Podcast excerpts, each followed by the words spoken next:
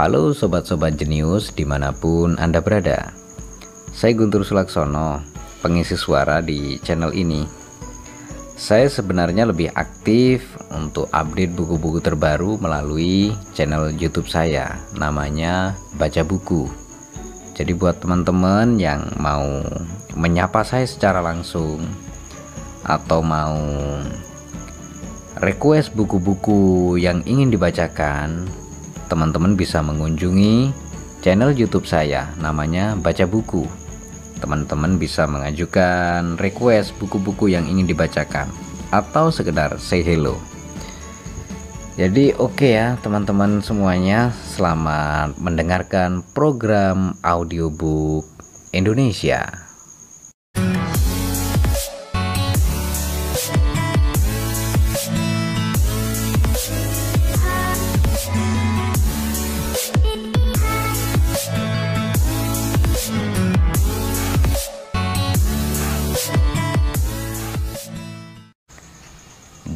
The God Delusion karya Richard Dawkins. Kita memasuki episode ke-6, bab 2 bagian 4.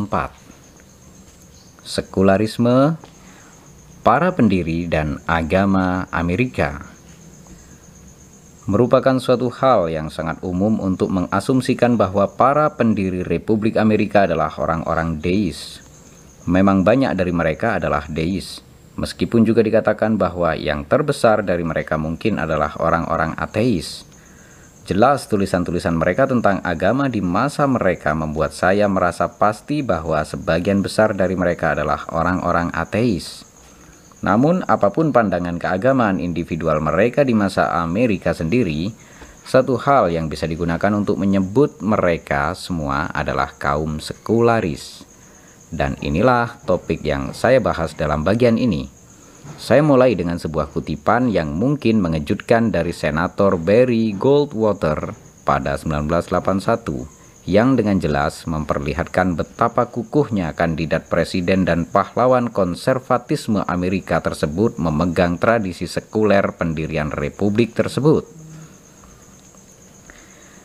Tidak ada sikap di mana orang-orang sedemikian tidak bisa diubah sebagaimana dalam keyakinan-keyakinan keagamaan mereka. Tidak ada sekutu yang lebih kuat yang dapat diklaim seseorang dalam suatu perdebatan dibanding Yesus Kristus atau Tuhan atau Allah atau apa pun yang menyebut zat ilahiyah ini. Namun, seperti setiap senjata yang kuat, penggunaan nama Tuhan di pihak seseorang tersebut harus digunakan secara hati-hati dan hemat. Seseorang tersebut harus digunakan secara hati-hati dan hemat. Faksi-faksi keagamaan yang tumbuh di seluruh tanah kita tidak menggunakan kekuatan keagamaan mereka dengan bijaksana. Mereka mencoba memaksa para pemimpin pemerintahan untuk mengikuti pendirian mereka 100%. Jika Anda berselisih dengan kelompok-kelompok keagamaan ini menyangkut satu isu moral tertentu, mereka mengeluh. Mereka mengancam Anda dengan hilangnya kekayaan atau suara atau keduanya. Sejujurnya saya muak dan lelah dengan para pengkhotbah politik di seluruh negeri ini yang menceramahi saya sebagai seorang warga negara bahwa jika saya ingin menjadi seseorang yang bermoral, saya harus percaya pada A, B, C, dan D. Mereka pikir mereka itu siapa? Dan dari mana mereka menganggap memiliki hak untuk menceramahkan keyakinan-keyakinan moral mereka kepada saya? Dan sebagai pembuat undang-undang, saya bahkan lebih marah karena harus mengalami berbagai ancaman dari setiap kelompok keagamaan yang menganggap memiliki hak dari Tuhan untuk mengontrol suara saya dalam setiap rapat rutin di Senat. Sekarang saya memperingatkan mereka, saya akan melawan mereka dengan seluruh kemampuan saya jika mereka mencoba mencekokkan keyakinan-keyakinan moral mereka kepada semua orang Amerika atas nama konservatisme. Pandangan-pandangan keagamaan para bapak pendiri tersebut sangat menarik bagi kaum propagandis kanan Amerika sekarang ini yang sangat ingin mengajukan versi sejarah mereka, bertolak belakang dengan pandangan mereka, kenyataan bahwa Amerika Serikat tidak didirikan sebagai sebuah negara. Kristen telah dinyatakan dalam syarat-syarat perjanjian dengan Tripoli yang dirancang pada 1796 oleh George Washington dan ditandatangani oleh John Adam pada 1909 pada 1797.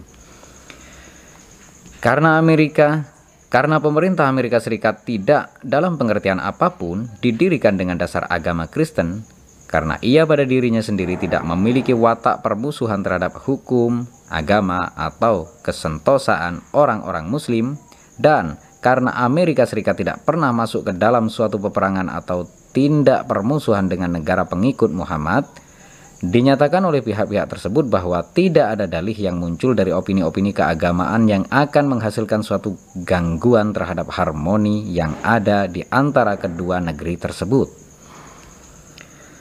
Kata-kata pembuka dari kutipan ini akan menyebabkan kegemparan dalam kekuasaan Washington sekarang ini. Namun, Ed Buckner telah memperlihatkan dengan meyakinkan bahwa semua itu sama sekali tidak menyebabkan perselisihan di masa itu baik di kalangan politisi ataupun publik. Suatu paradoks sering kali terlihat bahwa Amerika Serikat yang didirikan dalam sekularisme sekarang ini merupakan negeri yang paling religius dalam kekristenan. Sementara Inggris dengan sebuah gereja resmi yang dipimpin oleh raja konstitusionalnya merupakan salah satu negeri yang paling kurang religius. Saya terus-menerus bertanya, mengapa ini bisa terjadi, dan saya tidak tahu. Saya menganggap bahwa sangat mungkin bahwa Inggris lelah dengan agama setelah suatu sejarah kekerasan antar keyakinan yang begitu mengerikan, di mana kaum Protestan dan Katolik silih berganti memegang kekuasaan dan secara sistematis membunuh banyak pihak lain. Pendapat lain didasarkan pada pengamatan bahwa Amerika adalah sebuah negeri para imigran. Seorang kolega menyatakan pada saya bahwa para imigran tersebut yang tercerabut dari stabilitas dan kenyamanan suatu keluarga besar di Eropa mungkin menganggap gereja sebagai suatu jenis pengganti keluarga di tanah asing itu. Ini adalah suatu gagasan yang menarik, yang layak diselidiki lebih jauh. Tidak diragukan bahwa banyak warga Amerika menganggap gereja lokal mereka sendiri sebagai suatu unit identitas yang penting, yang memang memiliki beberapa ciri keluarga besar. Hipotesa yang lain adalah bahwa religiusitas, religiusitas Amerika tersebut secara paradoks bersumber dari sekularisme konstitusinya. Tepat karena Amerika secara hukum sekuler, agama menjadi suatu kegiatan yang bebas. Berbagai gereja bersaing untuk mendapatkan jemaah dan juga untuk sumbangan besar yang mereka berikan dan persaingan tersebut dijalankan dengan teknik-teknik pemasaran yang sangat agresif di pasar. Apa yang perlu untuk jonjot sabun berlaku untuk Tuhan. Dan hasilnya adalah sesuatu yang mendekati mania keagamaan di kalangan kelas-kelas yang kurang terdidik sekarang ini. Di Inggris, sebaliknya, agama di bawah perlindungan gereja resmi menjadi tidak lebih dari sekedar masa lalu sosial yang menyenangkan, yang hampir tidak dianggap sebagai religius sama sekali. Tradisi Inggris ini diungkapkan dengan baik oleh Giles Fraser seorang vikaris Anglikan yang merangkap sebagai seorang pengajar filsafat di Oxford yang menulis dalam Guardian artikel Fraser berjudul Peresmian Gereja Inggris mencerabut Tuhan dari agama. Namun, terdapat berbagai risiko dalam suatu pendekatan terhadap keyakinan yang lebih keras. Ada suatu masa ketika vikaris negeri ini merupakan suatu unsur utama para aktor drama Inggris Sosok peminum teh yang eksentrik ini dengan sepatunya yang mengkilap dan perilakunya yang sopan menyajikan suatu jenis agama yang tidak membuat orang-orang yang non-religius tidak nyaman. Ia tidak akan memunculkan kecemasan atau menekan Anda ke sebuah tembok dan bertanya apakah Anda selamat, apalagi mengeluarkan perang dari atas mimbar atau menahan ranjau jalan atas nama suatu kekuasaan yang lebih tinggi. Seeds of Benjamin Our Padre yang saya kutip di awal bab 1 Fraser kemudian melanjutkan dengan berkata bahwa vikaris negeri yang baik tersebut sebenarnya melindungi sebagian besar masyarakat Inggris terhadap agama Kristen. Ia mengakhiri artikelnya dengan meratapi kecenderungan terbaru dalam gereja Inggris yang kembali menangani agama secara serius, dan kalimat terakhir adalah sebuah peringatan. Apa yang mencemaskan adalah bahwa kita mungkin melepaskan jin fanatisme, fanatisisme keagamaan Inggris dari kotak kekuasaan resmi di mana ia tidur selama berabad-abad. Jin fanatisisme keagamaan tersebut sangat tersebar luas di Amerika sekarang ini, dan para bapak pendiri tersebut sangat mencemaskannya. Apakah meyakini paradok tersebut dan menyalahkan konstitusi sekuler yang mereka rancang merupakan sesuatu yang benar atau tidak? Para pendiri bangsa tersebut sangat jelas merupakan kaum sekularis yang sangat ingin menjarakkan agama dari politik. Dan hal itu cukup untuk menempatkan mereka secara kuat di pihak orang-orang yang menolak. Misalnya, pemajangan 10 perintah Tuhan di tempat-tempat publik milik pemerintah. Namun menarik untuk berspekulasi bahwa paling tidak beberapa dari para pendiri tersebut mungkin telah bergerak melampaui deisme. Mungkinkah mereka adalah kaum agnostik atau bahkan sepenuhnya ateis? Pernyataan Jefferson berikut ini tak dapat dibedakan dari apa yang sekarang akan kita sebut sebagai agnotisisme. Berbicara tentang eksistensi-eksistensi imaterial berarti berbicara tentang omong kosong. Mengatakan bahwa jiwa manusia, para malaikat serta Tuhan adalah imaterial berarti mengatakan bahwa mereka bukan apa-apa atau bahwa tidak ada Tuhan, tidak ada malaikat, tidak ada jiwa. Saya tidak memikirkan yang sebaliknya, tanpa terjerumus ke dalam jurang mimpi dan fantasi yang tak berdasar. Saya puas dan cukup asyik dengan hal-hal sebagaimana adanya, tanpa menyiksa atau menyusahkan diri saya dengan apa hal-hal yang mungkin ada, namun yang tidak saya punyai buktinya. Christopher Hitchens dalam biografinya yang berjudul Thomas Jefferson, Author of America, berpikir bahwa sangat mungkin Jefferson itu seorang ateis, bahkan di masanya sendiri ketika hal itu jauh lebih sulit. Tentang apakah dia adalah seorang ateis? Kita harus menahan penilaian karena kebijaksanaan yang ingin ia selidiki selama kehidupan politiknya. Namun karena ia telah menulis surat kepada keponakannya, Peter Carr, pada awal 1787, seseorang tidak boleh takut untuk melakukan penyelidikan ini karena kecemasan akan konsekuensi-konsekuensinya. Jika hal ini berakhir dalam keyakinan bahwa tidak ada Tuhan, kamu akan menemukan berbagai dorongan ke arah kebijaksanaan dalam kenyamanan dan kesenangan yang kamu rasakan dalam usaha ini, dan cinta orang-orang lain yang akan menjangkaumu. Saya menemukan nasihat Jefferson berikut ini. Sekali lagi dalam suratnya kepada Peter Carr.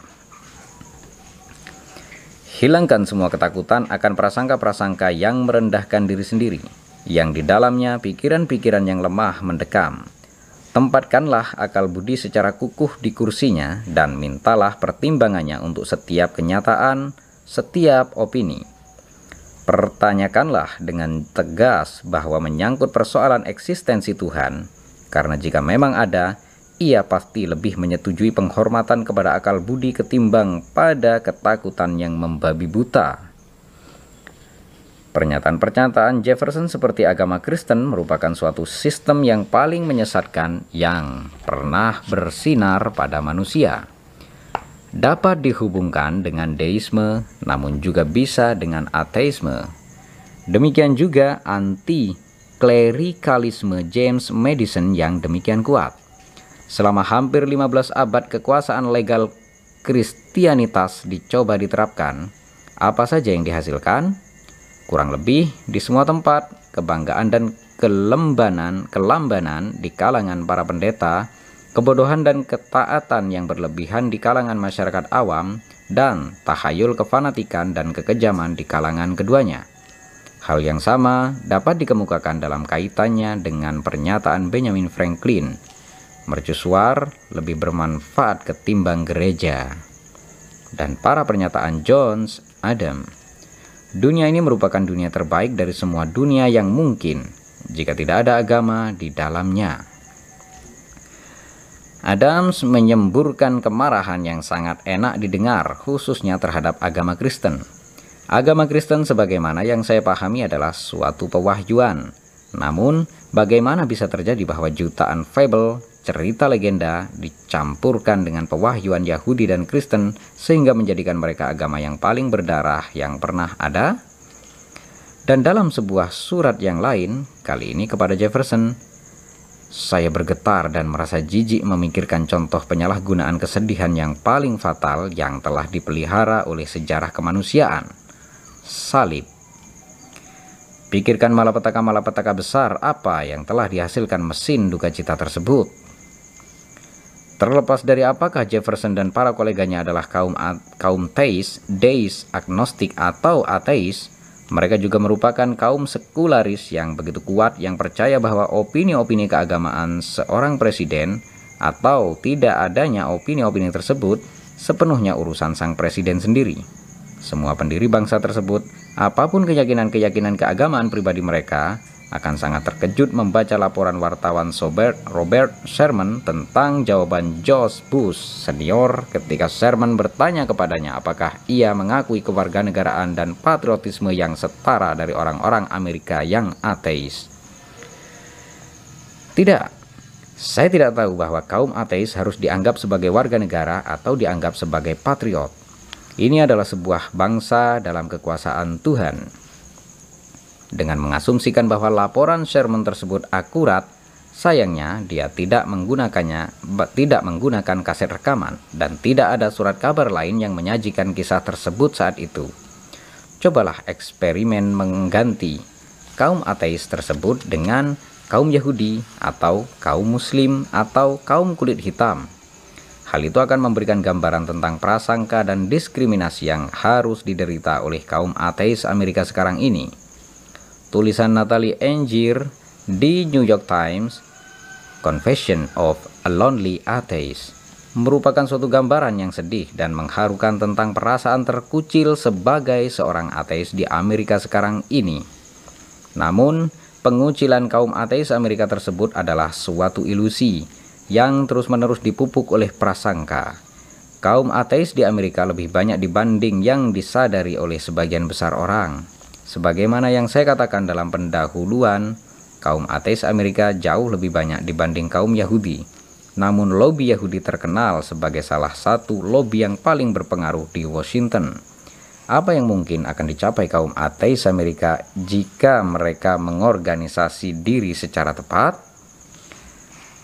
David Mills dalam bukunya yang mengagumkan Atheist Universe mengisahkan sebuah cerita yang akan Anda anggap sebagai suatu karikatur yang tidak realistik tentang prasangka dan kefanatikan polisi jika kisah tersebut fiksi. Seorang tabib keyakinan Kristen menjalankan suatu miracle crusade yang datang ke kota di mana Mills tinggal sekali setahun.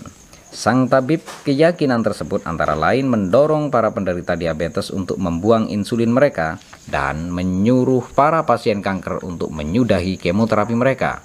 Dan sebaliknya mendorong mereka untuk memohon keajaiban. Cukup masuk akal.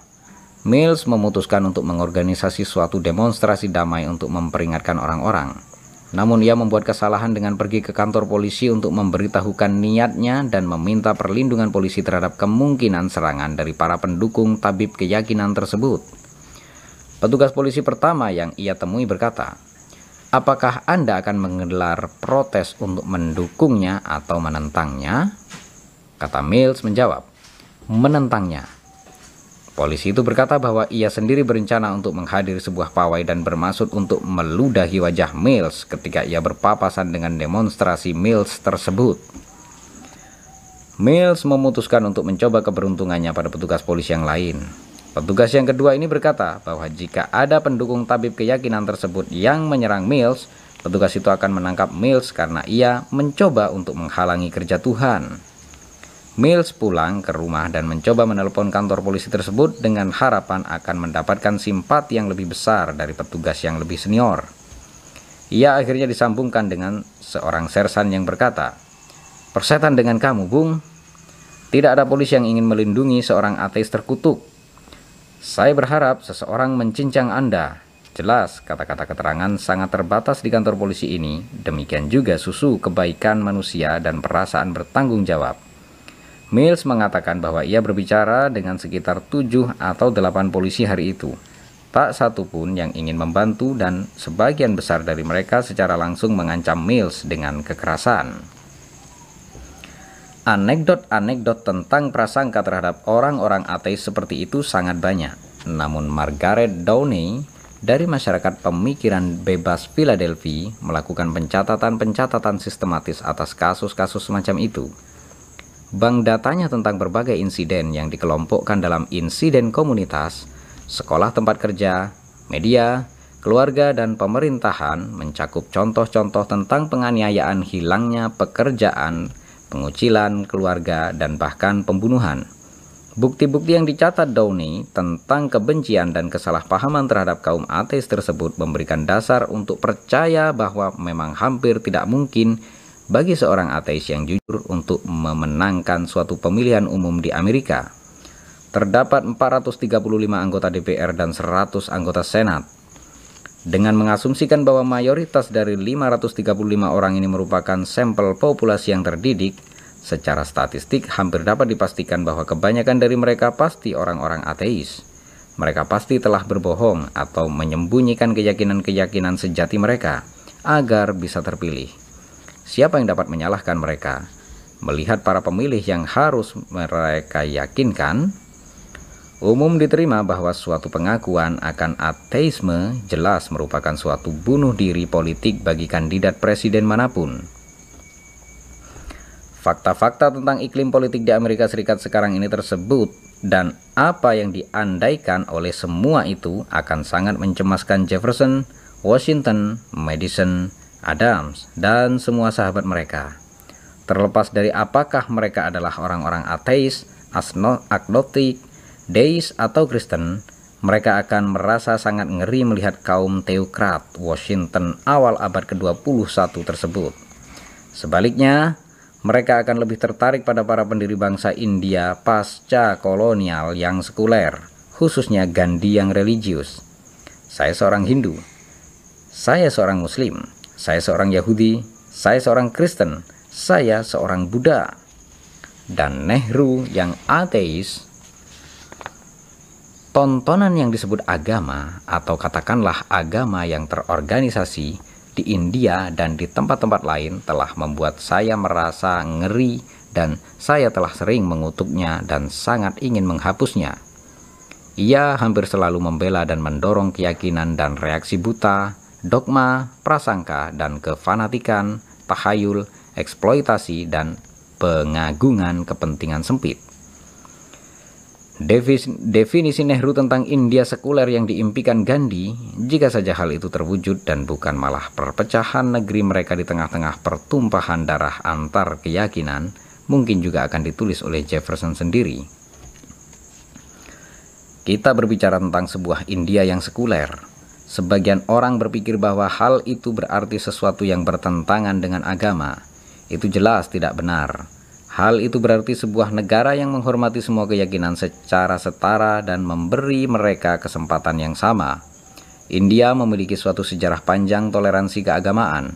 Dalam sebuah negeri seperti India yang memiliki banyak keyakinan dan agama, tidak ada nasionalisme sejati yang dapat dibangun kecuali atas dasar kesekuleran.